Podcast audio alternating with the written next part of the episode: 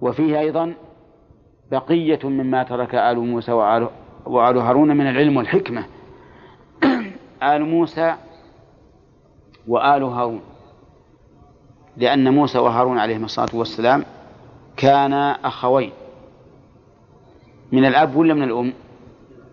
ها؟ من الأب والأم طيب لماذا قال قال هارون لموسى يا ابن أم لا تأخذ بلحيتي ولا برأسي. ها؟ نعم هذا الاستعطاف والاسترقاق. يعني منه يسترقه لعله يلين معه. تحمله الملائكة. يعني هذا التابوت مع هذا الملك تحمله الملائكة. والملائكة كما قدمنا كثيرا هم عالم غيبي. مخلوقون من نور. وأصل الملائكة مآلكة لأنها مأخوذة من الألوكة وهي في اللغة الرسالة. وقد قال الله تعالى جاعل الملائكة رسلا. لكن فيها إعلال بالتقديم والتأخير بالحروف. الملائكة عالم غيبي خلقوا من نور. لا يأكلون ولا يشربون لكنهم يلهمون التسبيح فهم يسبحون الليل والنهار لا يفترون.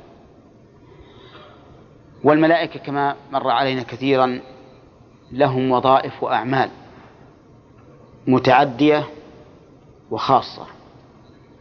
فجبرائيل مثلا له عمل متعد وخاص العمل الخاص هو الذي يتعبد لله به. والمتعدي أنه موكل بالوحي وإسرافيل موكل بالنفخ في الصور وهو أيضا أحد حملة العرش وميكائيل موكل بالقطر والنبات. وهؤلاء الثلاثة كان النبي صلى الله عليه وسلم إذا استفتح صلاة الليل يذكرهم فيقول اللهم رب جبرائيل وميكائيل وإسرافيل. فاطر السماوات والأرض عالم الغيب والشهادة أنت تحكم بين عبادك فيما كانوا فيه يختلفون. اهدني لما اختلف فيه من الحق بإذنك إنك تهدي من تشاء إلى صراط مستقيم.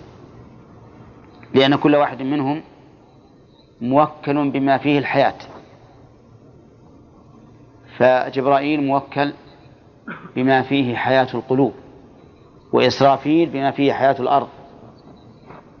صح؟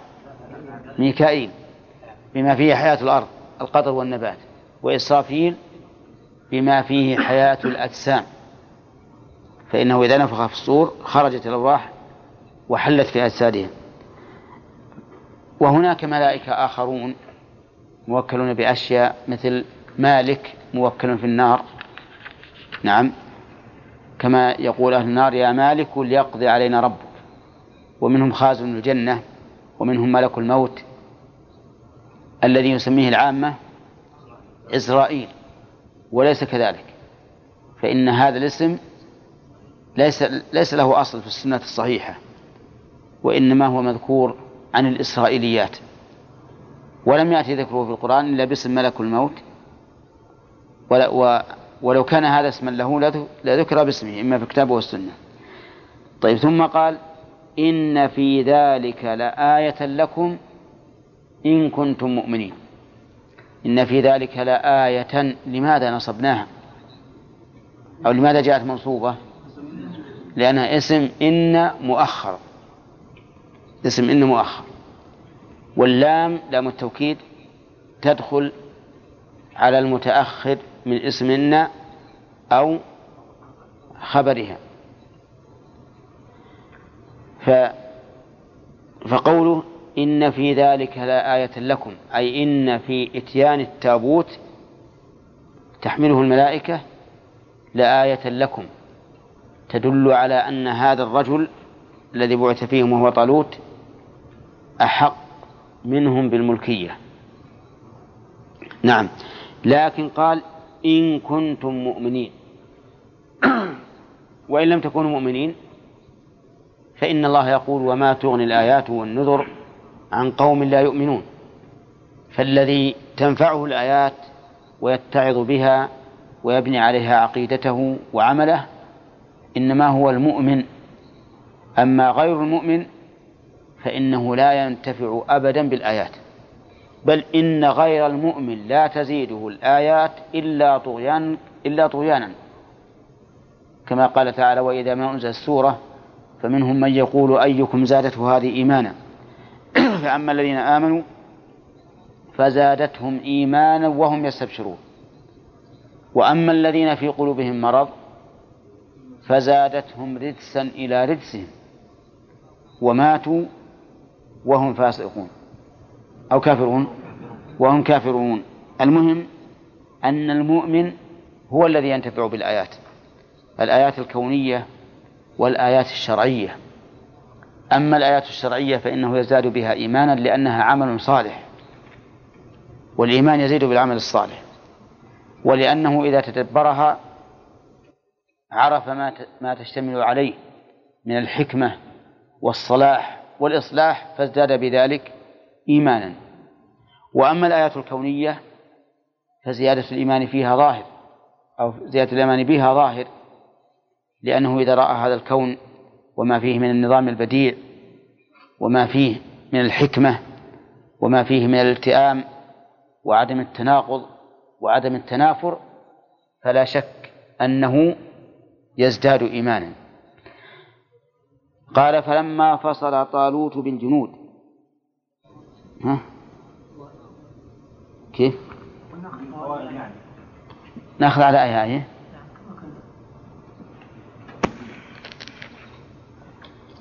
من فوائد الآية الكريمة وقال أنه نبيهم إن آية ملكه إلى آخره. من فوائد الآية الكريمة رحمة الله سبحانه وتعالى بعباده حيث يدعم الأشياء بالآيات لتقوم الحجة. لقوله وقال لهم نبيهم إن آية ملكه. ولو شاء الله عز وجل لفعل ما يفعل بدون آية وانتقم من المكذبين والمستكبرين. ولكن من رحمته عز وجل أنه يبعث الآيات حتى تطمئن القلوب وحتى تقوم الحجة. ولهذا ما من رسول أرسل إلا أوتي ما على مثله يؤمن البشر. وموافقة الآيات للحكمة ظاهرة.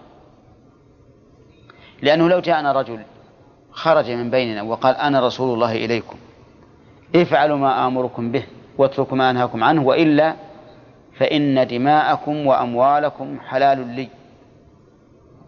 نطيع ولا ما نطيع؟ طبعا ما نطيع. لكن من رحمة الله عز وجل وحكمته أن جعل لهؤلاء أن جعل لهم آية للرسل حتى تقوم الحجة ويستجيب الناس.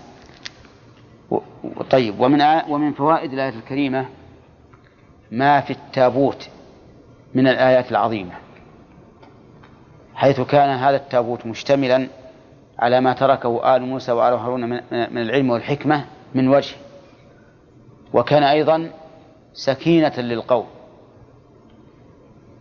تسكن إليه, إليه نفوسهم وقلوبهم ويزدادون قوة في مطالبهم ومن فوائد الآية الكريمة أن للسكينة تأثيرا على القلوب. لقوله تعالى فيه سكينة من ربكم وتأمل كيف أضافه إلى ربوبيته إشارة إلى أن في ذلك عناية كبرى لهؤلاء القوم. والسكينة إذا نقل إذا إذا نزلت في القلب اطمأن الإنسان وارتاح وانشرح صدره لأوامر الشريعة وقبلها قبولا تاما. ومن فوائد الآية الكريمة إثبات الملائكة لقوله تحمله الملائكة.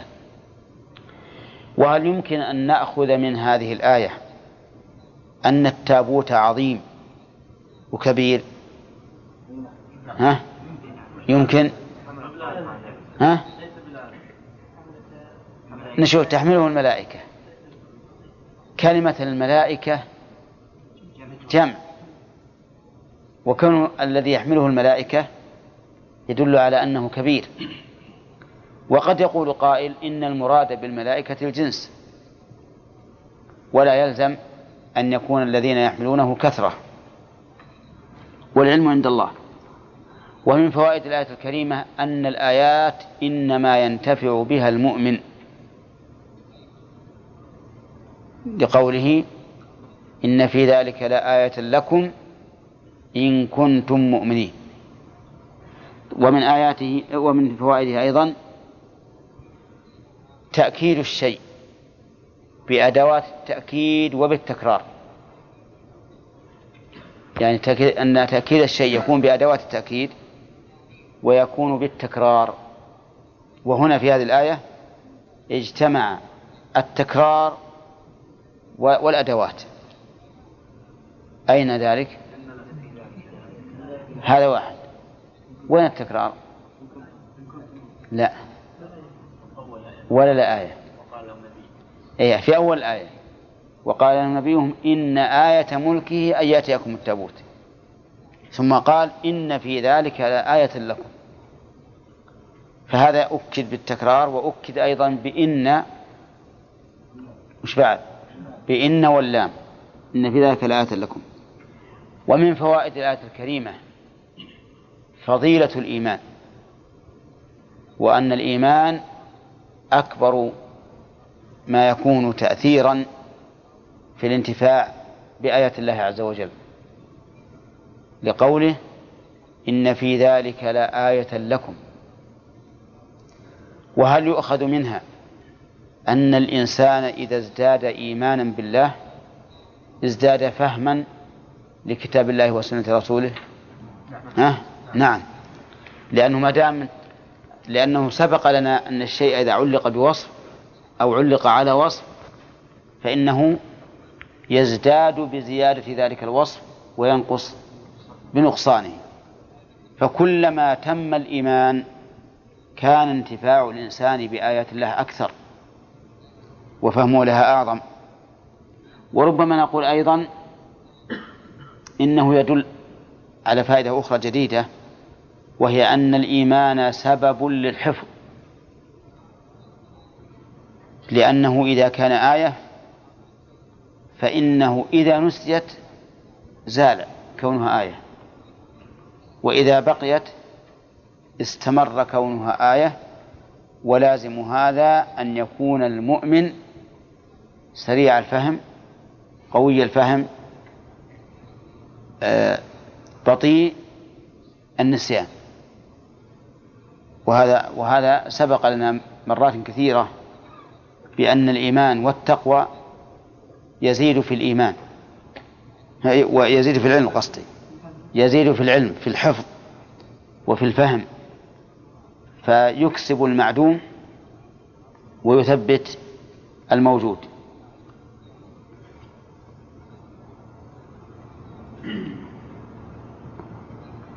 طيب هل نأخذ منه أن الملائكة أجسام؟ ها؟ من أين؟ من قول تحمله تحمله الملائكة. وأما قول من يقول إنهم عقول فقط وأن أو أنهم أرواح وليس لهم أجسام فقوله ضعيف. بل باطل لأن الله يقول جاعل الملائكة رسلا أولي أولي أجنحة. والنبي صلى الله عليه وسلم رأى جبريل على خلقته أو على صورته التي خلق عليها له ستمائة جناح قد سد الأفق. الله أكبر. ثم قال الله تعالى فلما فصل طالوت بالجنود. ها؟ نعم. ها؟ إلا ذكرنا هذا. إيش ذكرناها نعم.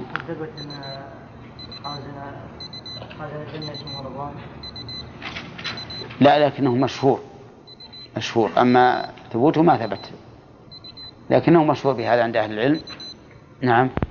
شعته ويقيم فيهم الأمر والنهي.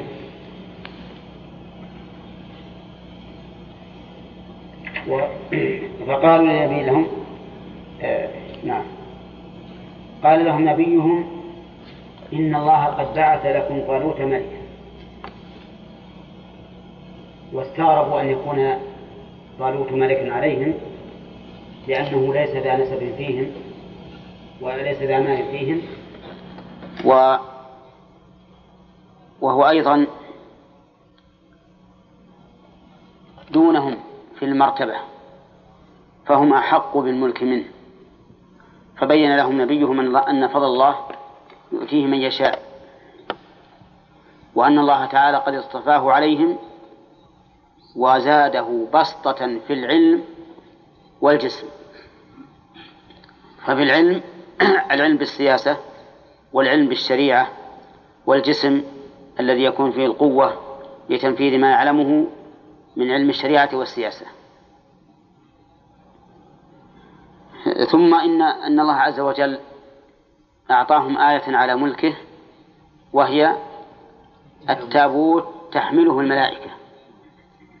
فيه بقية مما ترك آل موسى وآل هارون وفيها أيضا بعد أن تمت لهم الآية الدالة على أنه أحق بالملك وأنه أهل لأن يملك رتبهم. رتبهم أي رتب الجيوش لقتال الأعداء الذين أخرجوهم من ديارهم وأموالهم.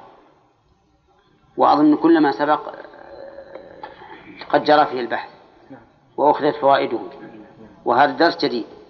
قال فلما فصل طالوت بالجنود فصل بهم أي مشى بهم وانفصل عن مكانه بالجنود جمع جند وهم الجيش المقاتلون على أنهم يقاتلون في سبيل الله لإنقاذ ديارهم وأبنائهم. قال فلما فصل طالوت بالجنود وكان رجلا ذكيا عاقلا لأن الله زاده بسطة في العلم, في العلم والجسم. وكان عنده علم من أحوالهم من قبل وأنه لما كتب عليهم القتال تولوا إلا قليلا منهم. بين لهم أن الله مبتليهم بنهر. النهر معروف الماء الذي يجري. وكان القوم عطاشا. فقال إن الله مبتليكم بنهر أي مختبركم به. ليعلم عز وجل من يصبر ومن لا يصبر. لأن الجهاد يحتاج إلى معاناة وإلى صبر. فابتلاهم الله بهذا النهر ليعلم من يصبر ومن لا يصبر. هذه واحدة. وليعلم من يطيع ممن لا يطيع. ولهذا قال لهم الملك طالوت إن الله مبتليكم بنهر أي مختبركم به فمن شرب منه فمن فليس مني. ومن لم يطعمه فإنه مني. إلا من اغترف غرفة بيده. فصاروا ثلاثة أقسام يعني جعل لهم ثلاث حالات. من شرب حتى يروى يقول فليس مني. وأنا منه بريء. لأن الذي لا يطيق الصبر على العطش ولا يطيق الصبر على أمر القائد لن يطيق الصبر على مقابلة الأعداء. فيمنع من الدخول في المعركة. ومن لم يطعمه يعني لم يذقه أبدا فإنه مني. عكس الأول الذي شرب الذي يشرب حتى يروى. إلا من اغترف غرفة بيده يعني فإنه قد يكون مني. نعم. لأن الغرفة قليلة وقد يحتاج الإنسان إليها يضطر إليها ليبل ريقه. فتبين فالآن تبين أنه جعل لهم ثلاث حالات. الأولى طلال الذي يشرب منه إذا شربوا منه حتى يرووا يرووا فليس منه.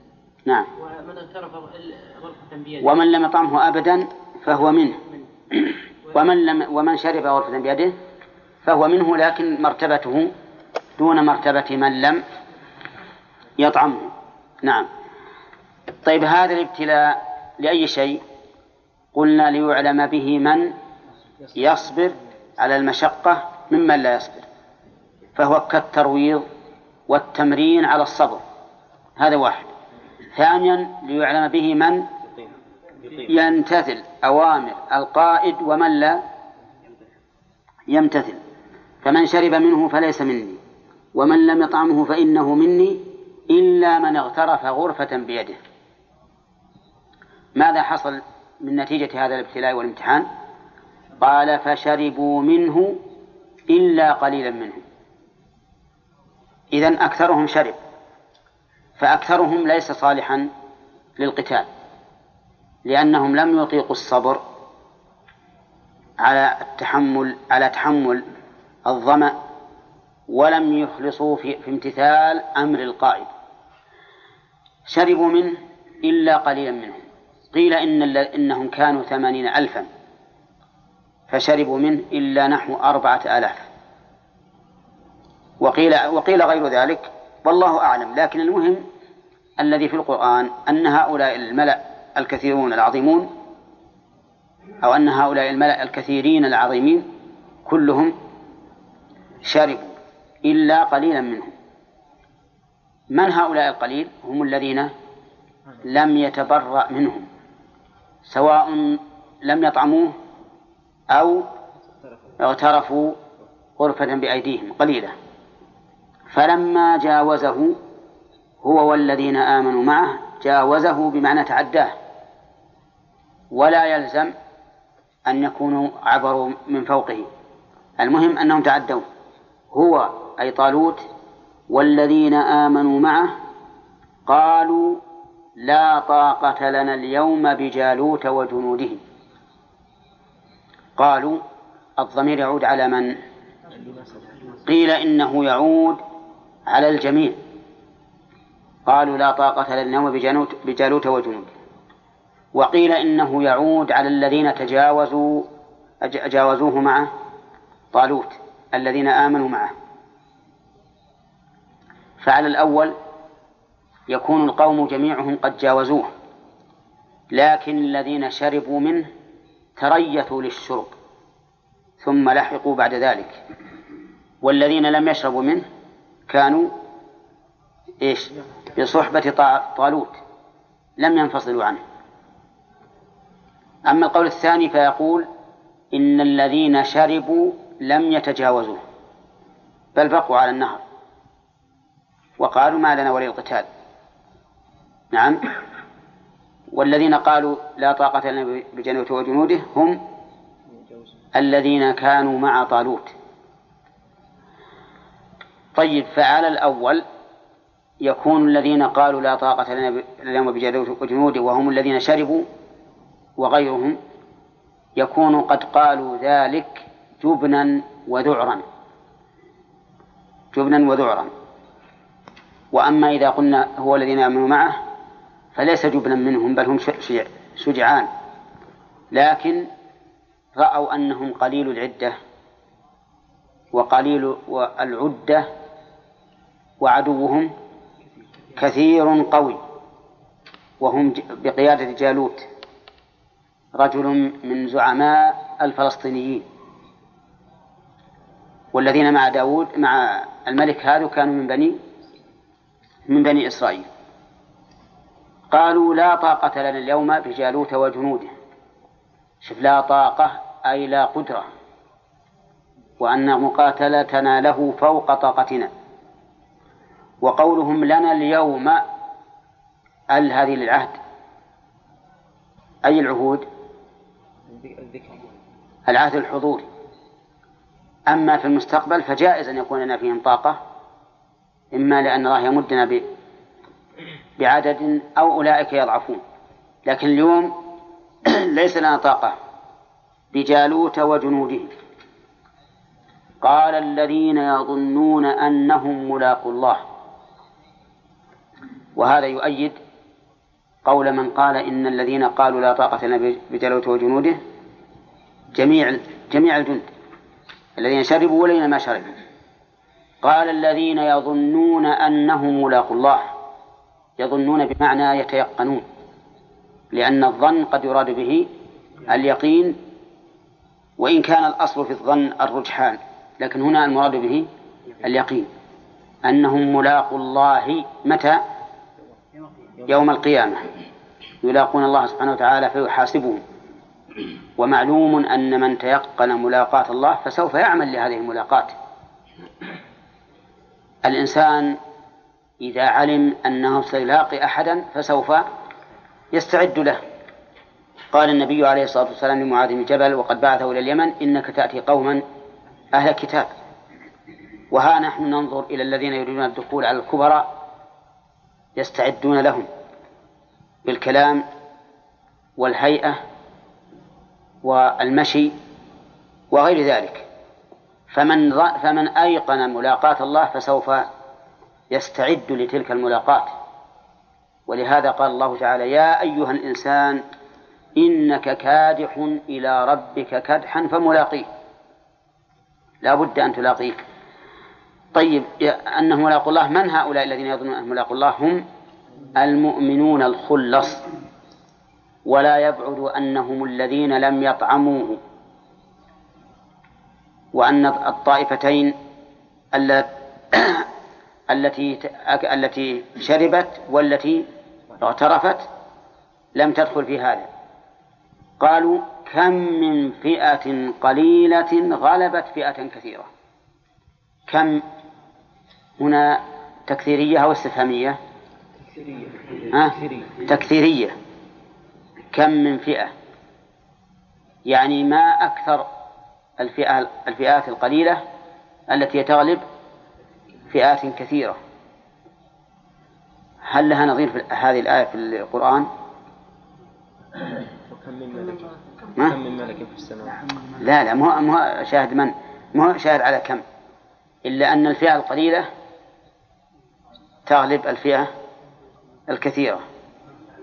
قد كانت لكم آية في فئتين ها؟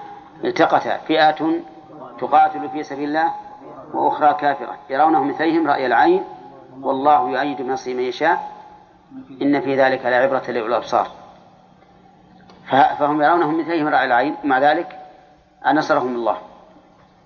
كم من فئة قليلة غلبت فئة كثيرة بإذن الله. بإذنه الشرعي أو الكوني. ها؟ بإذنه الكوني. سواء كانت الغالبة ممن يحبه الله أو ممن لا يحبه الله. قد تكون الفئة القليلة. الغالبة ممن لا يحبه الله لكنه سبحانه وتعالى يأذن بذلك لحكمة تقتضيها تقتضي الإذن. مثاله غزوة حنين. فإن غزوة حنين كان الذين مع النبي صلى الله عليه وسلم اثني عشر ألفا. وكانت هوازن ثلاثة آلاف وخمسمائة. فرق كبير. ومع ذلك لما افتخر المسلمون بكثرتهم وقالوا لن نغلب لن نغلب اليوم من قلة هزموا بهذه القلة. بماذا؟ بإذن الله فالله عز وجل له الحكمة في خلقه. قد يقدر الأشياء على الوجه الذي تخفى مصلحته علينا لكنها هي في علم الله مصلحة عظيمة. لكن في النهاية والحمد لله صارت الغلبة للمسلمين. وغلبهم النبي عليه الصلاة والسلام وغنم منهم غنائم كثيرة جدا. الحاصل كم من فئة قليلة؟ مؤمنة ولا ولا هو شرط؟ ها؟ ليس بشرط. ولهذا لم يقل له لم يقولوا كم من فئة مؤمنة. كم من فئة قليلة؟ أي جماعة قليلة غلبت فئة كثيرة بإذن الله. ثم قالوا يصبرون أقوامهم والله مع الصابرين. يعني فاصبروا ليكون الله معكم. هنا هؤلاء الجماعة الذين يظنون أن ملاق الله. شف فائدة الإيمان يلا من فضلك. فائدته أنهم وطنوا هؤلاء وثبتوهم. كم من فئة قليلة غلبت فئة كثيرة. هذا باعتبار الأمور المشهودة. والله مع الصابرين باعتبار الأمور المعلومة. لأن معية الله ما تشاهد لكن تعرف بآثارها. لكن كم من فئة قليلة تشاهد ولا لا؟ غلبت فئة القليلة الكثيرة تشاهد. فثبتوهم ووطنوهم بذكر هذين الأمرين. أنكم لا تقولوا هؤلاء كثيرون ونحن قليلون فإنه كم من فئة قليلة فئة كثيرة. وأنكم إذا صبرتم فإن الله مع الصابرين مع الصابرين. وقد سبق لنا مرات كثيرة أن الصبر ينقسم إلى ثلاثة أقسام. صبر على طاعة الله وهو أعلاها وصبر عن معصيته وصبر على أقداره المؤلمة. الجهاد فيه صبر عن على طاعة الله وصبر عن معصية الله وصبر على أقدار الله فهو جامع لأنواع الصبر الثلاثة. صبر على طاعة الله. ليش؟ لأن المجاهد في سبيل الله مطيع لله عز وجل. ما الذي بذل في هذه الطاعة؟ بذل أغلى ما يملك وهي نفسه. يعرض رغبته لسيوف القوم ابتغاء وجه الله وامتثالا لأمره. صبر على طاعة عن معصية الله فلم يفر حين لاقى العدو بل ثبت. ففيه صبر عن إيش؟ معصية الله. صبر على أقدار الله؟ نعم. يجرح. نعم. ويكسر. وهو في ذلك صابر. يقول الله عز وجل ولا تهنوا في ابتغاء القوم. إن تكونوا تألمون فإنهم يألمون كما تألمون. لا تظنوا أن أن ألم الحرب عليكم فقط. هو عليكم وعليهم. وتتميزون عليهم بميزة. ها وهي وترجون من الله ما لا يرجون. أنتم تقاتلون تؤملون درجة الدرجات العلى من الجنة وهؤلاء يقاتلون والعياذ بالله لا يرجون من الله ذلك بل قتلاهم في النار. كما قال عمر بن الخطاب رضي الله عنه لما قال أبو سفيان في غزوة أحد يوم بيوم بدر والحرب سجال. قالوا له لا سواء. قتلانا في الجنة وقتلاكم في النار. وهل بينهما مساواة؟ أبدا. فرق عظيم. فأين السجال بيننا وبينكم؟ المهم أن قول هؤلاء الفئة المؤمنة التي تظن ملاقاة الله حصل فيها التثبيت من جهتين. من جهة مشهودة ومن جهة معلومة تدرك بآثارها. المشهودة كم من فئة قليلة غلبت فئة كثيرة بإذن الله. والمعلومة؟ والله مع الصابرين. والصبر بأنواعه الثلاثة متحقق في في الجهاد في سبيل الله. نعم. وقال والله مع الصابرين. ولما برزوا لجالوت وجنوده. برزوا أي ظهروا. من البراز وهي الأرض الواسعة البارزة الظاهرة. برزوا وتلاقى الجمعان ورأوا أنفسهم مستضعفين. ودائما يكون نصر الله عز وجل عند المنكسرة قلوبهم الذين يرون أنهم مستضعفون. لما برزوا لجلالته وجنوده ما اعتمدوا على قوتهم. بل لجأوا إلى الله عز وجل وقالوا ربنا أفرغ علينا صبرا وثبت أقدامنا وانصرنا على القوم الكافرين.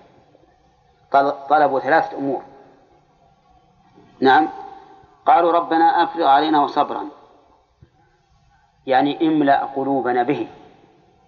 والإفراغ إفراغ الشيء على الشيء يدل على عمومه له. يعني املأ قلوبنا وأجسادنا صبرا حتى نثبت. وهذا فيه زوال المانع. وثبت أقدامنا يعني اجعلها ثابتة. لا تزول فلا نفر ولا نهرب. وربما يراد بالأقدام ما هو أعم من ذلك وهو تثبيت القلوب أيضا. الفائدة المطلوب الثالث النتيجة من هذا الغزو وهو وانصرنا على القوم الكافرين. ما قالوا انصرنا على مثل على عدونا أو ما أشبه ذلك؟ على القوم الكافرين الذين نقاتلهم لكفرهم. لا انتقاما لأنفسنا ولكن لأن هؤلاء كافرون فنحن نقاتلهم لكفرهم. ولاحظوا أن القتال عن عقيدة هو القتال اللي فيه نكاية العدو. أما القتال عن حمية وعصبية وقومية فهذا قتال فاشل. وهذا لو شئتم ورجعتم إلى التاريخ لعلمتم هذا. من الذي حرر فلسطين في من جيوش النصارى. ها؟ صلاح الدين الأيوبي. وقد قيل إنه ليس بعربي. ومن الذي أراد أن يحرر فلسطين من حفنة اليهود؟ ها؟ العرب. ولكن ما حرروها. بل هي أخذتهم بالنكال والعقوبات عدة مرات. لأنهم لا يقاتلون عن عقيدة. يقاتلون لقومية يستوي فيها الملحد واليهودي والنصراني والمسلم وكل من انضاف إلى العروبة. لكن لو قاتلوا عن عقيدة وعن إيمان وقالوا نحن نقاتل اليهود لا لأنهم يهود ونحن عرب لكن نقاتلهم لأنهم كفار ونحن مسلمون. لو أن الأمر كذلك لحق لنا قول الله تعالى لا يقاتلونكم جميعا إلا في قرى محصنة أو من وراء جدر. لا يقاتلونكم يعني أنتم بوصفكم الإيماني والإسلامي. لا لأنكم عرب لا يقاتلونكم جميعا إلا في قرى محصنة أو من وراء جدر. أما وأنتم تقاتلون لأنكم عرب فسوف يقاتلونكم ليس من وراء الجدر ولكن من من فوق من الأفق حتى يقضوا عليكم. أعرفتم الآن؟ هنا يقول هؤلاء الفئة يقولون لما لاقوا العدو وانصرنا على القوم الكافرين. ما هو على قوم لأنهم أعداؤنا فقط ولكن لأنهم قوم كافرون. فأجاب الله عز وجل دعاءهم لأنه سبحانه وتعالى يجيب دعوة المفتقر إليه. أنت افتقر إلى الله واصدق في افتقارك إليه واعتقد أنه لا حول لك ولا قوة وأن الأمر كله بيد الله وثق بأن الله سيجيبك. لكن المشكل أننا ندعو الله وكأننا غير مفتقرين إلى إلى هذا الدعاء. كأننا في استغناء عنه. أو كأن دعاءنا أمر, أمر روتيني كما يقولون. كل يوم نقول بين السجدتين رب اغفر لي وارحمني واهدني وارزقني وعافني. كل يوم نقول هل نحن نشعر ونحن ندعو الله بهذا أننا مفتقرون إلى هذه الأمور؟ وأننا نسأل الله حقيقة هذه الأمور؟ نعم. إلا من شاء الله. إلا ما شاء الله. لكن قليل. وهذا قليل. أكثر الناس يقوله ولذلك يعرف أنه جالس بين سجدتين يعرف بالزمن لا بالقول. نعم. لو يسجد على طول بالثاني قال أخاف إني ما قلتهن كلهن فالحاصل أنك إذا صدقت مع الله عز وجل في اللجوء إليه والثقة به فإن الله سبحانه وتعالى يجيب دعوة المضطرين.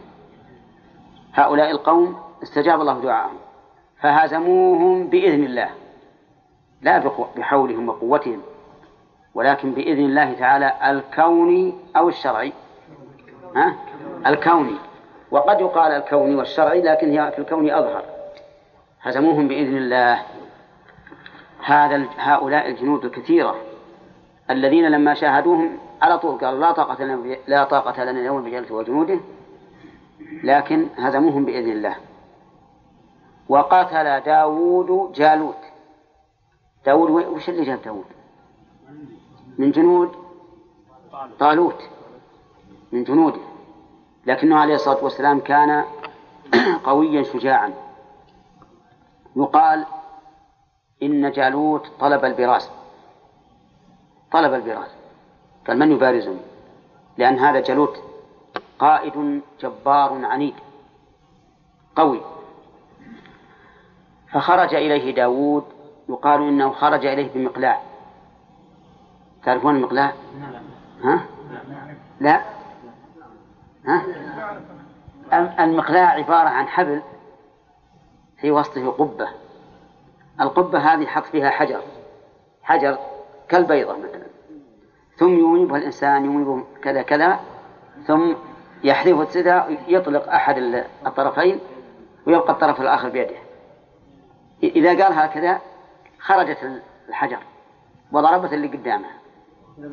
ها؟ مثل المنجنيق نعم. على غراط المنجنيق لما خرج إليه بالمقلاع يقول كأن هذا الرجل الخبيث جالوت غضب واستشاط غضبا. وقال تطلع إلي بمقلاع وأنا يعني الشجاع المقدام ولكنه قال به هكذا فشج رأسه فسقط ثم احتز رأسه وأتى به إلى طالوت. نعم هذه كيفية القتل نحن ليس لنا فيها كبير فائدة صح ولا لا؟ هو لنا فيها كبير فائدة؟ ليس لنا فيها كبير فائدة ولذلك ما وصف الله القتل؟ قال قتل داود جالوت والمقصود الغاية. وقد حصلت قتل داود جالوت وأظنكم تعلمون أنه إذا قتل القائد ها؟ انهزم الجند. انهزم الجند. ولهذا صاح الشيطان في أحد. وش قال؟ قال إن محمدا قد قتل. علشان يرعب القوم ينصرفون حتى في الصيد يمكن الإخوان اللي يصطادون إذا جاءت الضبا الضبا عادة يكون لها قائد. واحدة قدامهم تقودهم إذا جاء الصياد ما يروح يقتل المؤخر يقتل القائد. فإذا قتل القائد خلاص تفرق الذولة تفرقت الجملة حتى يعني حسب اللي شاهدوا حتى يطلعون واحد يكون قائد بدله. سبحان الله. كذلك الطيور. انظر إلى فرق الطير. تجد أنه لا بد أن يكون يقدمها قائد. إذا قتل القائد تفرق يعني معناه أمكن القضاء عليهم لما قتل داود جالوت تبين عند القوم قدرة جالوت قدرة داود وشجاعته وأنه أهل لأن يكون ملكا. أهل لأن يكون ملكا. فقيل إن طالوت زوجه ابنته وتنازل له عن الملك. وهذا طبعا من من أخبار بني إسرائيل. قد يكون كذلك وقد لا يكون. المهم أن الملك آل بعد طالوت إلى من؟ إلى داود. سواء تنازل عنه أو توفاه الله عز وجل. الله أعلم. المهم أن الملك آل إلى داود. ولهذا قال الله عز وجل وآتاه الله الملك والحكمة. آتى الله آتاه بمعنى أعطاه. أعطاه الله الملك والحكمة. الملك طبعا ليس ليس الملك المطلق على كل شيء لأن الملك المطلق على كل شيء لله الواحد القهار. لكن الملك في هذا الجانب أو من الأرض فقط. والحكمة الحكمة قيل إنها الوحي وقيل إنه الزبور لاشتماله على الحكمة لأن الله يقول وآتينا داود زبورا. وعلى كل حال أعطى الله داود أمرين عظيمين أحدهما به سياسة الدنيا والثاني به سياسة الدنيا والدين. الدنيا الملك. والدين والدنيا الحكمة. ثم قال وعلمه مما يشاء. ما علمه كل شيء. علم داود مما يشاء ومما علمه وعلمناه صنعة لبوس لكم لتحسنكم من بأسكم. علمه الله تعالى مما يشاء. لأن كل أحد لا يعلم شيئا إلا ما علمه الله. والله أخرجكم من بطونكم من بطون أمهاتكم لا تعلمون شيئا. فكل ما علمناه من معقول أو محسوس فإنه من الله عز وجل.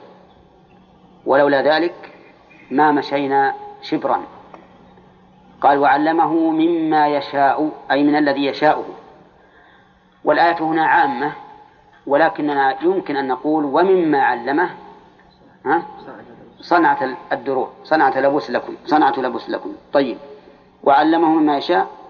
ولولا دفع الله الناس بعضهم ببعض لفسدت الأرض. دفع وفي قراءة دفاع وهي سبعية. ولولا دفاع الله الناس بعضهم ببعض. وهنا الإعراب دفع الله دفع مصدر مضاف إلى فاعله. والناس مفعول به. وبعضهم بدل منه وببعض متعلق بدفع. لولا دفع الله الناس بعضهم ببعض. أين خبر المبتدأ؟ محذوف تقديره موجود. يعني لولا أن دفع الله الناس بعضهم ببعض موجود أنه يدفع الكافرين بالمؤمنين. فيقاتلون في سبيل الله حتى يقوم دين الله. ويدفع الكفار بعضهم ببعض حتى لا يسيطر أحد الطرفين على الأرض. ما ظنكم مثلا الآن ولدى الناس ما يسمى بالدولتين العظميين؟ لو كانت السيطرة لإحداهما ها لطغت وسيطرت على الأرض. ولكن الله عز وجل جعل هذه القوة لها مقابل يدافعها ويمنعها ويخيفها وإلا لفسدت الأرض. وبما لا تفسد. استمع. ولولا دفع الله الناس بعضهم ببعض لهدم الصوامع وبيع وصلوات ومساجد يذكر فيها اسم الله كثيرا. هذا هو الفساد الحقيقي في الأرض. ليس الفساد أن تأتي العواصف وتسقط الثمار أو تأتي الفيضانات وتهدم البناء وتغرق الزروع هذا لا شك أنه فساد.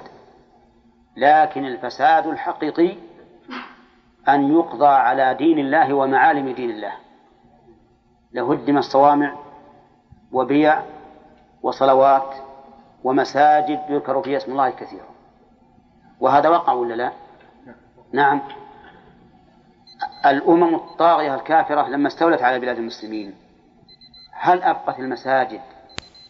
والمؤذنون والمؤذنين يؤذنون ويرفعون اسم الله أبدا. انظر إلى البلاد التي سيطر عليها الكفر سيطر على الكفر. منعوهم.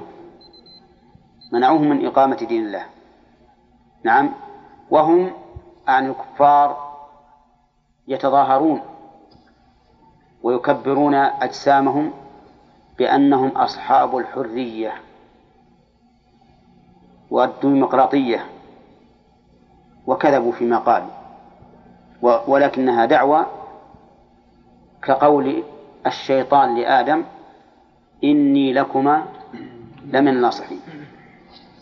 والحاصل أن الله عز وجل يبين في هذه الآية ولولا دفع الله الناس بعضهم بعض لفسدت الأرض. بماذا؟ بطمس معالم الدين وحلول معالم الكفر والمعاصي. هذا هذا هو الفساد الحقيقي. ولكنه يراد بالآية ما هو أعم من ذلك. إفساد الديار هدم البناء إغراق الزروع إحراقها على أيدي المتسلطين كل هذا داخل. ولكن الله ذو فضل على العالمين. فحمى بعضهم ببعض. ذو فضل أي صاحب فضل. والفضل هو العطاء الزائد الواسع الكثير. على العالمين أي كلهم. ولا على العالمين؟ العالمين. أي كل الخلق. فلله تعالى عليهم فضل. وسموا عالما لأنهم علم على خالقهم سبحانه وتعالى. فهو سبحانه وتعالى ذو فضل على جميع الخلق. الكافر من أين له الرزق؟ هو الذي أنبت الزرع وأدر الضرع وأجرى الأنهار وفجر العيون. أعني الكافر. ها؟ لا. من الذي فعل ذلك؟ ومن الذي انتفع به؟ الكافر والمسلم. إذن فالله عز وجل له فضل على العالمين كلهم. كل العالمين له فضل عليهم. لكن فضله على المؤمن يمتد إلى الآخرة. وفضله على الكافر ينقطع بالموت. وتأمل قوله تعالى في في المؤمنين المتقين حيث قال عنهم لا يذوقون فيها الموت إلا الموتة الأولى. إلا الموتة الأولى. طيب وهل في الجنة موتة أولى؟ لا لكن لما كانت الجنة للمتقين من فضلك ممتدة. حتى في الدنيا هم في جنة. حتى في الدنيا المتقي في جنة لأن الله يقول من عمل صالحا من ذكر أو أنثى وهو مؤمن فلنحيينه حياة طيبة. ذوقوا يا إخواني طعم هذا. ذوقوا طعم التقوى. تكون في جنة الدنيا الممتدة إلى جنة الآخرة. وعند الموت أين ينتقلون؟ إلى جنة. إذن صدق أنهم لم يذوقوا فيها الموت إلا إيش؟ الموتة الأولى فقط. لما حبس شيخ الإسلام ابن تيمية رحمه الله وأغلق عليه باب الحبس قال ما يصنع أعدائي بي؟ يعني أي شيء يصنعون ما يصنع أعدائي بي؟ إن جنتي في صدري. إن حبسي خلوة. وقتلي شهادة ونفي سياحة. يقول إن قتلوني فأنا شهيد. وإن حبسوني فحبسي خلوة. أختلي بالله عز وجل عن الناس وأعمر أوقاتي بطاعة الله. وإن نفوني فسياحة. أسيح في أرض الله وأتفكر في آيات الله عز وجل. لكن الشاهد قوله رحمه الله إن جنتي في صدري. وهكذا المؤمن وجرب تجد.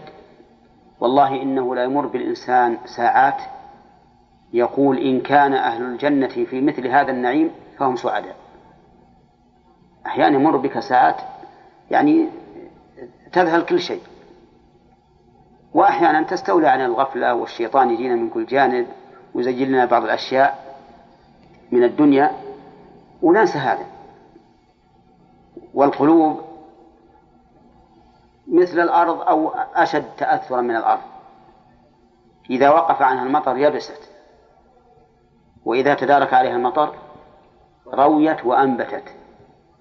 بل القلوب أشد لأن القلوب نسأل الله السلامة زيغها قريب جدا. زيغها قريب جدا فهي كسفينة في الأمواج إذا لم يتداركها الإنسان ويثبت المراسي غرقت. فالحاصل أن الله عز وجل ذو فضل على العالمين في الدنيا والآخرة بالنسبة لمن؟ للمؤمنين. وفي الدنيا فقط بالنسبة للكافرين ابتلاء وامتحانا من الله عز وجل. ثم قال تلك آيات الله نتلوها عليك بالحق. آيات الله تعالى الشرعية ولا الكونية؟ ها؟ الظاهر يشمل, يشمل الأمرين. آيات الله الكونية نخبرك بها وتشاهد وتعتبر والشرعية اللي هي القرآن. نعم ذلك نتلوه عليك من الآيات والذكر الحكيم. فالله سبحانه وتعالى يتلو على نبيه محمد صلى الله عليه وسلم من آيات الله تعالى الكونية والشرعية ما يكون عبرة للمعتبرين. ثم هذه التلاوة هل يعتريها كذب كذب؟ لا. ولهذا قال بالحق أي مصحوبة بالحق لا يعتريها كذب بوجه من الوجوه. القصص الأخبارية من غير القرآن يمكن أن تكون كذبا لكن القرآن حق أي صدق ليس فيه مدح ولا ولا كذب. وإنك لمن المرسلين. الخطاب لمن؟ لمحمد صلى الله عليه وسلم. وأكد هذا بإن واللام. إنك لمن المرسلين بل إنه عليه الصلاة والسلام هو أفضل المرسلين وخاتم النبيين صلى الله عليه وسلم.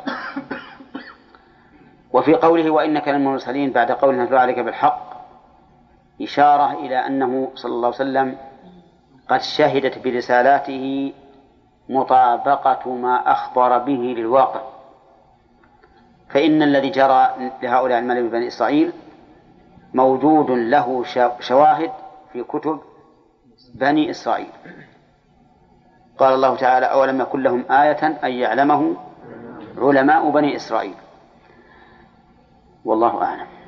هو أو نستمر؟ الفوائد. آه نعم. هو معنى جاء وقت الأسئلة. قال الله تعالى فلما فصل طالوت بالجنود قال إن الله مبتليكم بنهر إلى آخره. في هذا دليل على أنه ينبغي للقائد أن يتفقد جنوده. لقوله فلما فصل طالوت بالجنود. يعني فصل بهم مشى بهم وتدبر أحوالهم ورتبهم. ومن فوائدها أيضا أنه ينبغي له بل يجب عليه أن يمنع من لا يصلح للحرب سواء كان مخذلا أو مرجفا أو ملحدا. المهم الذي لا يصلح للحرب يجب أن يمنع. من أين يؤخذ؟ لأنه قال فمن شرب منه فليس منه. ما صالح للقتال؟ ومن لم يطعمه فإنه مني إلا من اغترف غرفة بيده. فيجب أن يمنع من ليس بصالح. ما الفرق بين المخذل والمرجف؟ المخذل هو الذي يخذل الجيش. يقول من أنتم منتصرين والمرجف هو الذي يهيب من العدو. فالأول يضعف والثاني يهيب من العدو. هذا الفرق بينهم. المخذل من يذكر صفة الضعف والمرجف من يذكر صفة القوة في العدو. وكل منهم يجب أن يبعد. هنا ومن فوائد الآية الكريمة أنه يجب اختبار الجند وهو ما يعرف الآن بال بالمناورات.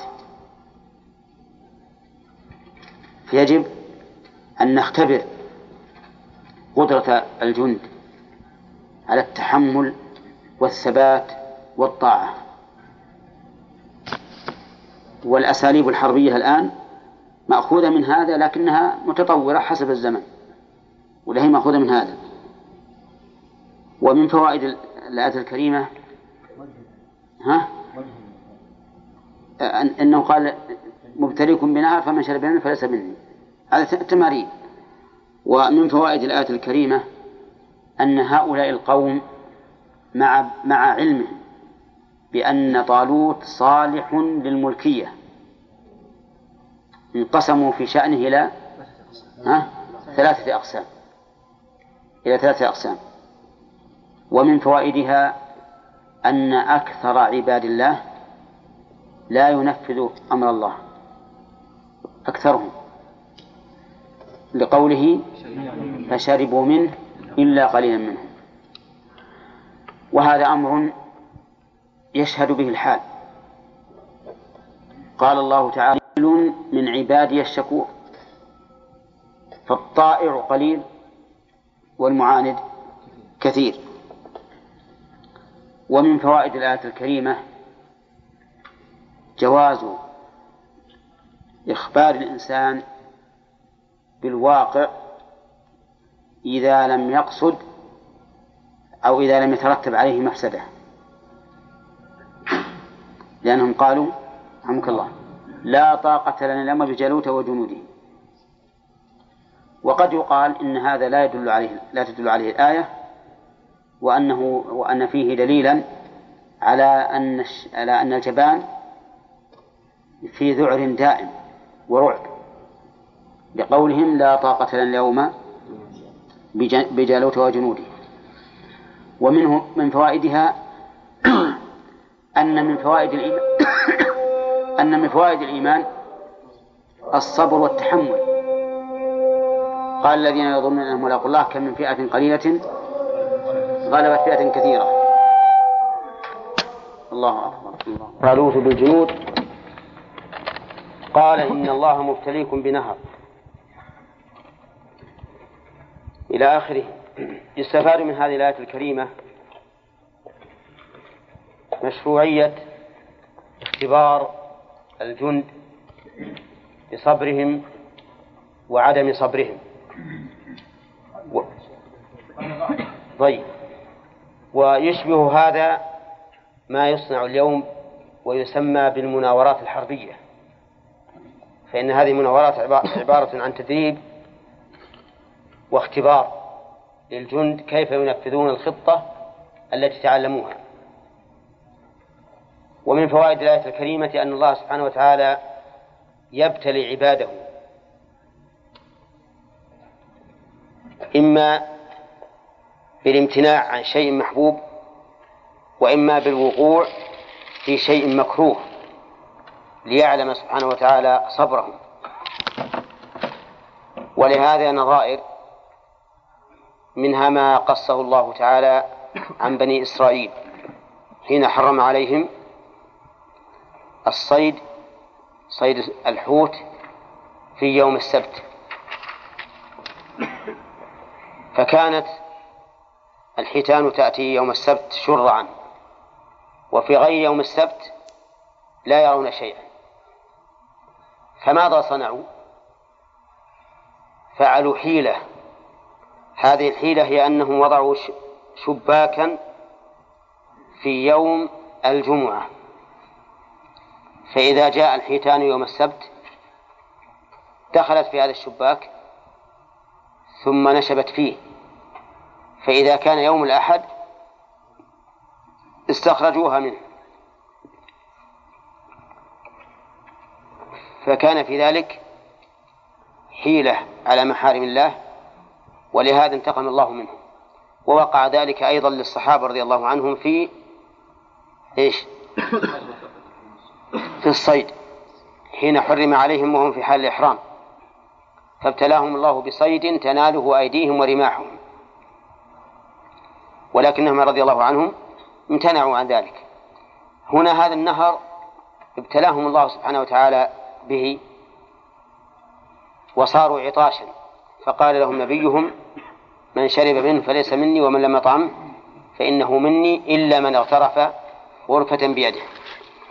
ومن فوائد من فوائد الآية الكريمة أن أن الله عز وجل عند الابتلاء يرحم الخلق بما يكون فيه بقاء حياتهم. لقوله هنا إلا من اغترف غرفة بيده. لأنه لا بد أن يشربوا للنجاة من الموت. ومن فوائد الآية الكريمة الرد على الجبرية. من قوله؟ ها؟ فمن شرب إلا من اغترف. ومنه أيضا من فوائد الآية الكريمة أن القليل من الناس هم الذين يصبرون عند البلوى. لقوله فشربوا منه إلا قليلا منهم. ثم قال تعالى فلما جاوزه هو والذين آمنوا معه قالوا لا طاقة لنا اليوم بجالوت وجنوده. في هذا دليل على أن من الناس من يكون مرجفا أو مخذلا. والفرق بين المرجف والمخذل أن المرجف هو الذي يذكر قوة العدو فيرجف به والمخذل هو الذي يقول إن إنه إننا لا نقدر على هذا الشيء فيذكر ضعف نفسه. هنا قالوا لا طاقة لنا اليوم- اليوم بجالوت وجنوده. هؤلاء مخذلون ولا مرجفون؟ ها؟ مخذلون. وفي نفس الوقت أيضا مرجفون. لأنهم يقولون لا طاقة لنا بهم لأنهم أعظم منا وأقوى. ومن فوائد الآية الكريمة أن اليقين يحمل الإنسان على الصبر والتحمل والأمل والرجاء. لقولهم قال الذين يظنون أنهم ملاقوا الله كم من فئة قليلة غلبت فئة كثيرة بإذن الله. مع اليقين قالوا هذا هذا القول. وهل قال هل قالوه بأنفسهم أو قالوه لغيرهم؟ سبق أنهم قالوه لغيرهم لما قال أولئك لا طاقة لنا بجالوت وجنوده ردوا, ردوا عليهم. وفي هذه الآية الكريمة إثبات ملاقاة الله. لقوله قال الذين يظنون أنهم ملاقوا الله. وقد قال الله تعالى يا أيها الإنسان إنك كادح إلى ربك كدحا فملاقيه. وقد استدل بها بعض أهل السنة على إثبات رؤية الله عز وجل. قال لأن الملاقاة لا تصدق إلا إذا رأى كل من المتلاقين صاحبه. وهذا الاستدلال قد يكون فيه مناقشة إذ لا يلزم من الملاقاة الرؤية ومن فوائدها أن الظن يأتي في محل اليقين بمعنى أنه يستعمل الظن استعمال اليقين من أين تؤخذ يا عبد الله؟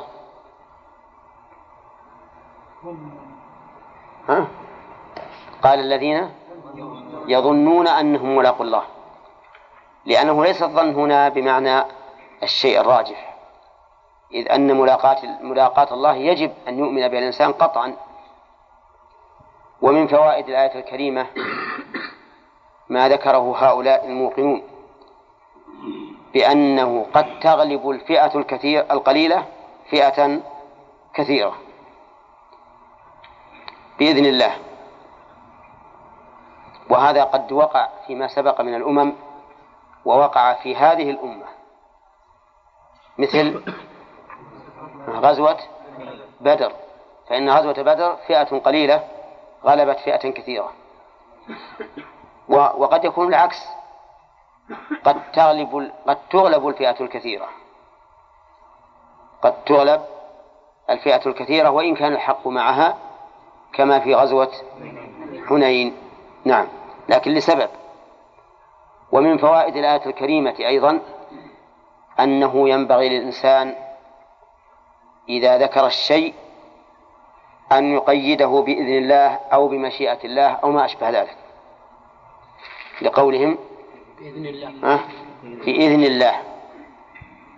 ومنها إثبات الإذن لله سبحانه وتعالى. وقد مر علينا أنه ينقسم إلى قسمين. إذن كوني وإذن شرعي. في هذه الآية إذن كوني ولا شرعي؟ كوني. وفي قوله تعالى عن السحرة وما هم بضارين به من أحد إلا بإذن الله؟ كوني أيضا. وفي قوله تعالى قل آه الله أذن لكم أم على الله تفترون هذا شرعي؟ أم لهم شركاء شرعوا لهم من الدين ما لم يأذن به الله؟ هذا شرعي أيضا. طيب. قال ومن فوائد الآية الكريمة فضيلة الصبر لقوله والله مع الصابرين. ومنها إثبات المعية لله عز وجل لقوله والله مع الصابرين. فإن قلت هذه الآية ظاهرها تخصيص معية الله بالصابرين مع أنه في آيات أخرى أثبت الله معيته لعموم الناس. فقال تعالى هو الذي خلق السماوات والأرض في ستة أيام ثم استوى على العرش يعلم ما يلج في الأرض وما يخرج منها وما ينزل من السماء وما يعرج فيها وهو معكم أينما كنتم. هذا عام. وقال ما يكون من نجوى ثلاثة إلا هو رابعهم ولا خمسة إلا هو سادسهم ولا أدنى من ذلك ولا أكثر إلا هو معهم أينما كانوا؟ فما هو الجواب؟ قلنا الجواب أن هذه المعية خاصة وتلك معية عامة. والمعية التي أضافها الله لنفسه منها ما يقتضي التهديد. ومنها ما يقتضي التأييد ومنها ما هو لبيان الإحاطة والشمول. فالذي يقتضي التأييد مثل والله مع الصابرين إنني معكما أسمع وأرى لا تحزن إن الله معنا وأمثلتها كثيرة. والذي يقتضي التهديد مثل قوله وهو معهم يستخفون من الناس ولا يستخفون من الله وهو معهم إذ يبيتون ما لا يرضى من القول وكان الله بما يعملون محيطا. والتي للعموم مثل قوله تعالى وهو معكم أينما كنتم؟ فإن قلت ها؟ الإحاطة. لا لا انتهينا. هي الشمول هي الإحاطة. فإن قلت ما الجمع بين إثبات المعية لله عز وجل وإثبات العلو؟ له فالجواب أنه لا تناقض بينهما إذ لا يلزم من كونه معنا أن يكون حالا في الأمكنة التي نحن فيها بل هو معنا وهو في السماء. كما نقول القمر معنا والقطب معنا والثريا معنا وما أشبه ذلك مع أنها في السماء. طيب والله مع الصابرين. قوله مع الصابرين. تشمل الصبر على أقدار الله وعلى طاعته وعن معصيته. ثم قال تعالى ولما برزوا لجالوت وجنوده قالوا ربنا أفرغ علينا صبرا وثبت أقدامنا وانصرنا على القوم الكافرين. في هذه الآية من الفوائد أنه ينبغي للإنسان عند الشدائد أن يلجأ إلى الله عز وجل. لأن هنا لما برزوا والتقى الجمعان لجأوا إلى الله. قالوا ربنا أفرغ علينا صبرا. ومن فوائدها أيضا أن التجاء الإنسان إلى الله سبب لنجاحه. لأنه قال بعد ذلك فهزموهم بإذن الله. وأن اعتماد نفسه واعتداده بها سبب لخذلانه.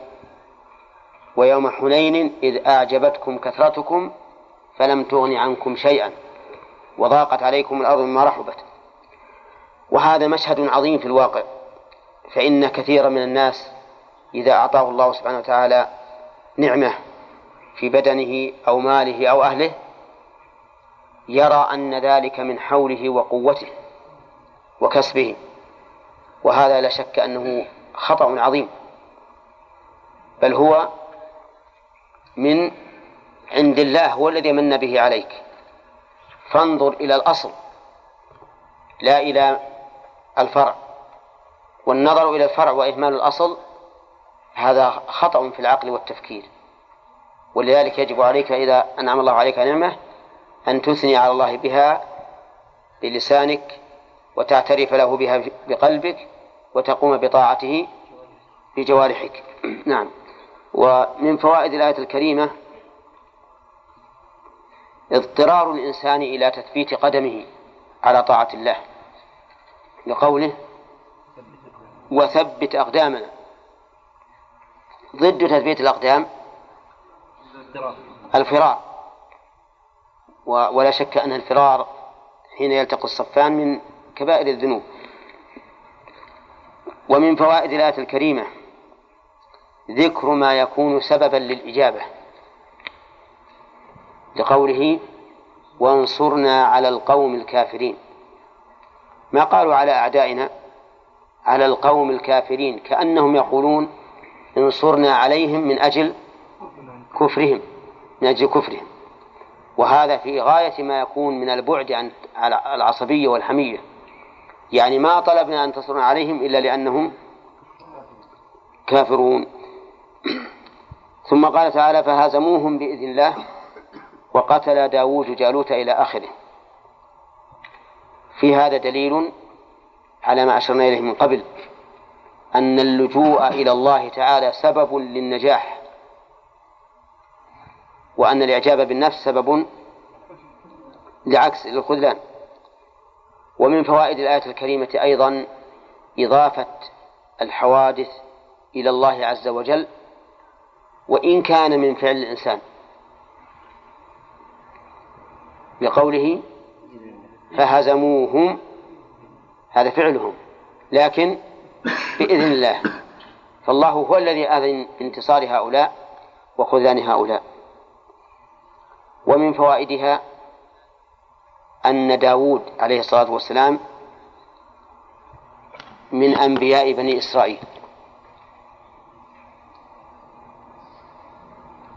قتل داود. قتل داود؟ جالوت طيب ألم ترى إلى الملأ؟ من بني إسرائيل؟ قبل. لا لا. ذكر من قبل. لأنه قال من قبل ألم ترى إلى الملأ من بني إسرائيل من بعد موسى. ففيه دليل على أن داود من بني إسرائيل وأنه بعد موسى أيضا.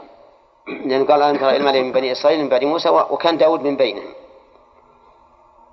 ومن فوائدها أيضا شجاعة داود عليه الصلاة والسلام حيث قتل جالوت حين برز له.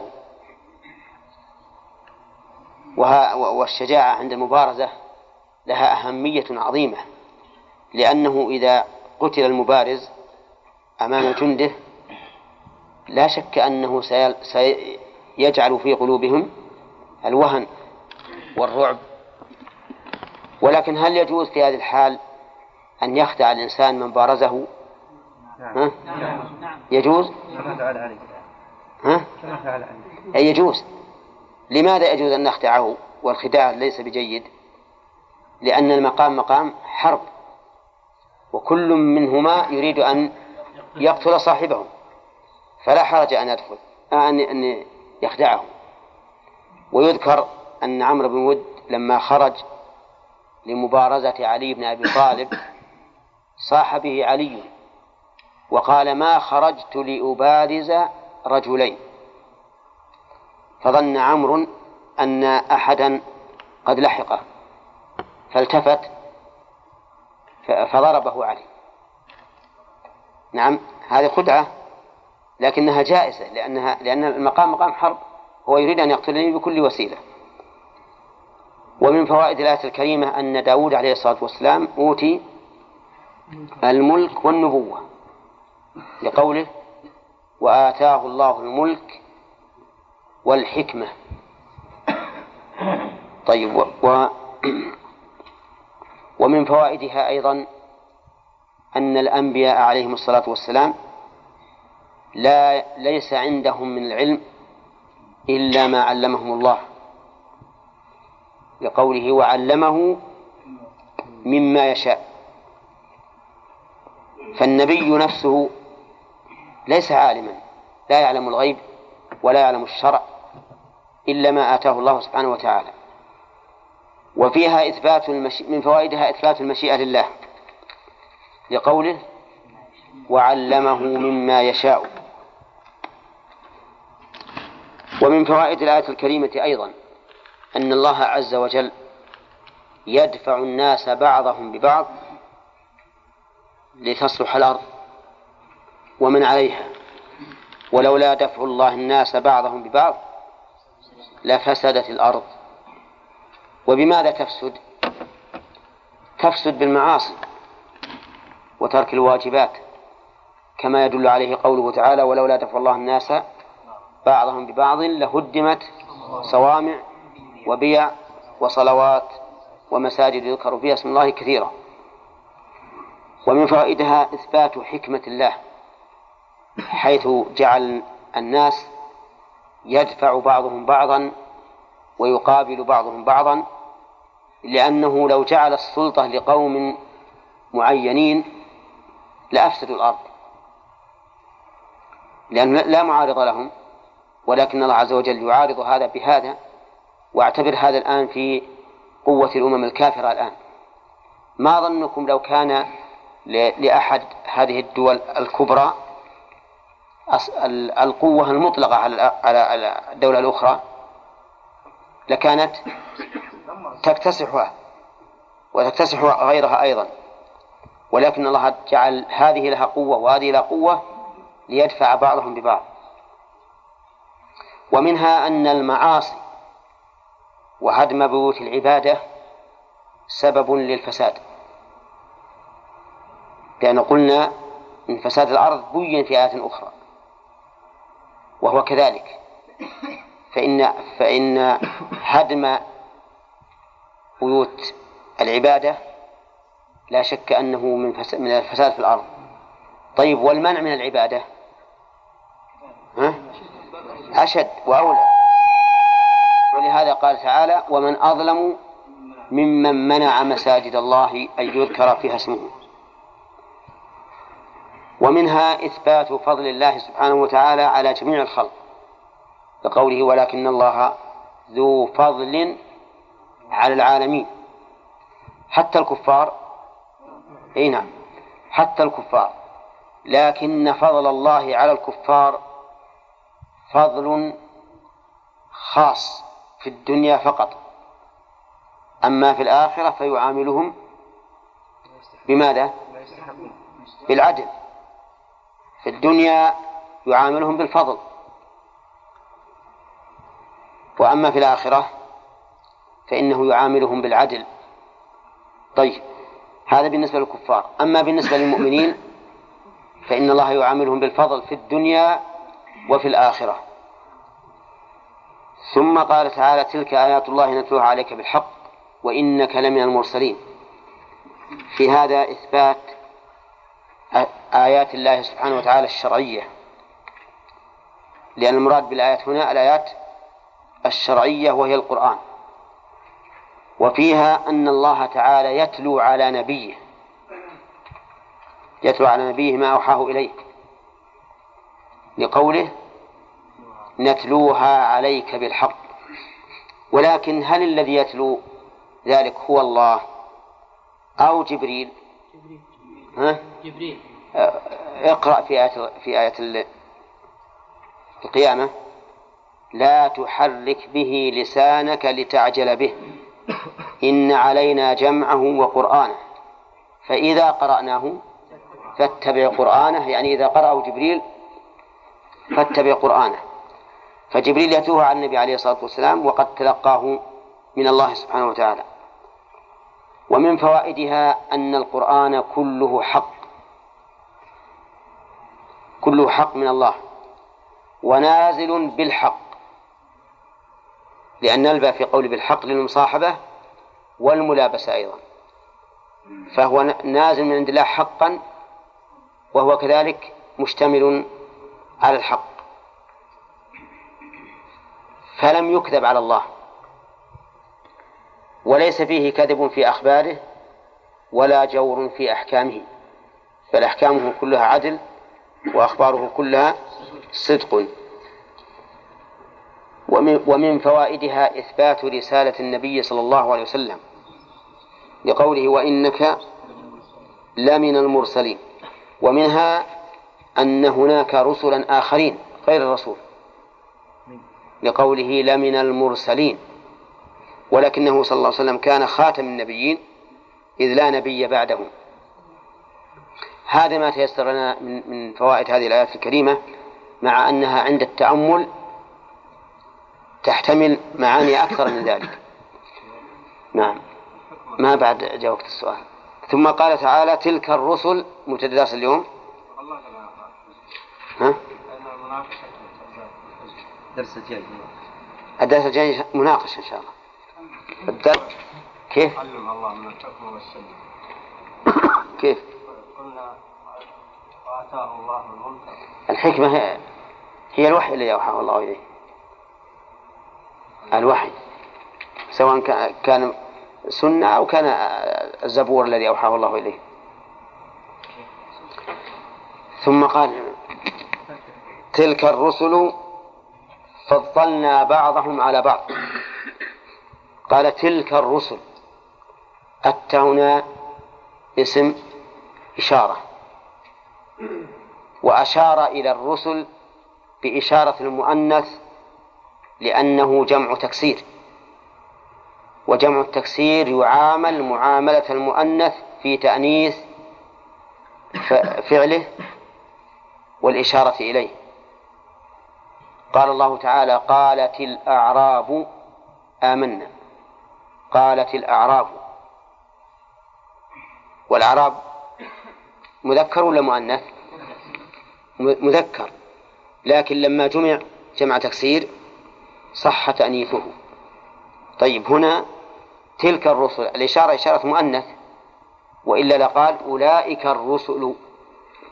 فعليه نقول أشار إليهم إشارة المؤنث لأن جمع التكسير يجوز تأنيثه. طيب تأنيثا معنويا أو لفظيا؟ لفظيا. نعم. تلك الرسل المشار إليه هنا هم الرسل الذين دل عليهم عليهم قوله وإنك لمن المرسلين. فضلنا بعضهم على بعض. يعني جعلنا بعضهم أفضل من بعض. أفضل من بعض في الوحي وأفضل من بعض في الأتباع وأفضل من بعض في الدرجات والمراتب عند الله سبحانه وتعالى. ولهذا قال منهم من كلم الله ورفع بعضهم درجات. انتبه. طيب تلك الرسل فضلنا بعضهم على بعض. وهذه صريحة في أن الرسل يتفاضلون. أتباع الرسل يتفاضلون؟ ها؟ نعم أتباع الرسل أيضا يتفاضلون. قال النبي عليه الصلاة والسلام خير الناس قرني ثم الذين يلونهم ثم الذين يلونهم. وقوله منهم أي من الرسل من كلم الله. وهذا الجملة استئنافية لبيان وجه من أوجه التفضيل. وقول من كلم الله ولا الله؟ الله فاعل على أن الكلام واقع من الله. مثل من؟ كموسى ومحمد عليه الصلاة والسلام فإن الله كلمه في مكان أعلى من المكان الذي كلمه كلم موسى فيه. فموسى كلم وهو في الأرض ومحمد عليه الصلاة والسلام كلم وهو فوق السماء السابعة. وقوله ورفع بعضهم درجات. قوله رفع معطوف على أي شيء؟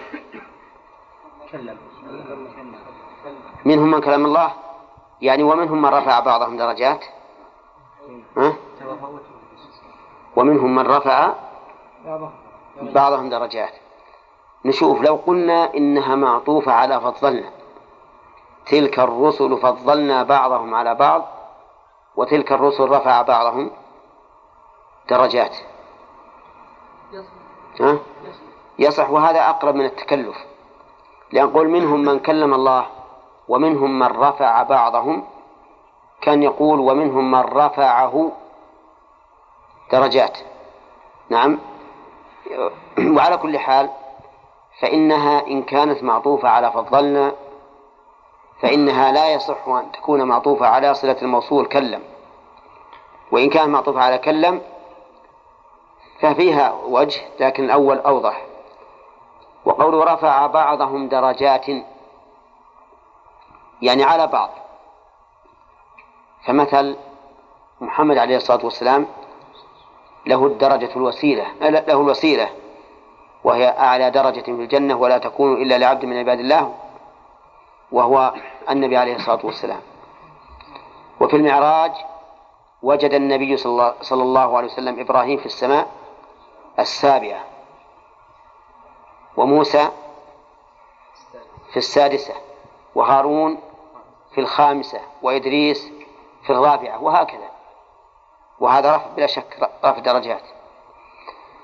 قال وآتينا عيسى بن مريم البينات وأيدناه بروح القدس.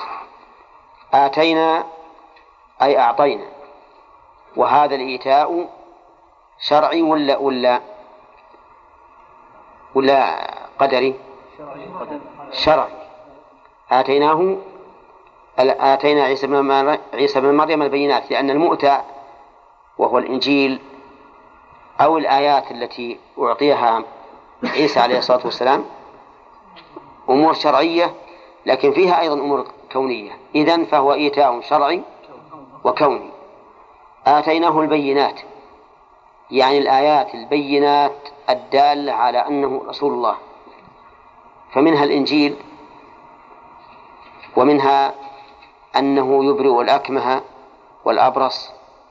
ومنها أنه يحيي الموتى بإذن الله بل يخرج الموتى من قبورهم. ففيها آيتان تحيي الموتى وتخرج الموتى. فهو يحييهم قبل أن يدفنوا ويخرجهم من قلوب من قبورهم بعد الدفن. قال وأيدناه بروح القدس. أيدناه بروح القدس يعني قويناه. بروح القدس اختلف المفسرون بروح القدس ما المراد بها؟ فقيل المراد بها ما معه من العلم المطهر الآتي من عند الله. والعلم أو الوحي يسمى روحا كما قال تعالى وكذلك أوحينا إليك روحا من أمرنا وقال بعض المفسرين المراد بروح القدس جبريل كما قال تعالى قل نزله روح القدس من ربك بالحق. فروح القدس هو جبريل. أيده أيد الله عيسى به حيث كان معه يقويه في مهام أموره عندما يحتاج إلى تقوية. وأيدناه بروح القدس. وأيا كان فإن عيسى عليه الصلاة والسلام أحد الرسل الكرام الذين هم من أولي العزم. وهو مؤيد بما معه من الوحي ومؤيد أيضا بجبريل. خليل لا تشغل الناس. طيب قال وأيدناه بروح القدس. ولو شاء الله ما اقتتل الذين من بعدهم من بعد ما جاءتهم البينات ولكن اختلفوا. لو شاء الله ما اقتتل. عندنا الآن لو تحتاج إلى جواب وشاء تحتاج إلى مفعول. فأين جواب لو؟ ها؟ لا. ما اقتتل هذا جوابه جواب لو شاء الله ما اقتتل وأين مفعول شاء؟ محذوف. تقديره؟ ولو شاء الله أن لا يقتتل. الذين من بعدهم ما اقتتلوا. فيكون الجواب محذوفا دل عليه جواب الشرط. وقوله ولو شاء الله ما اقتتل الذين من بعدهم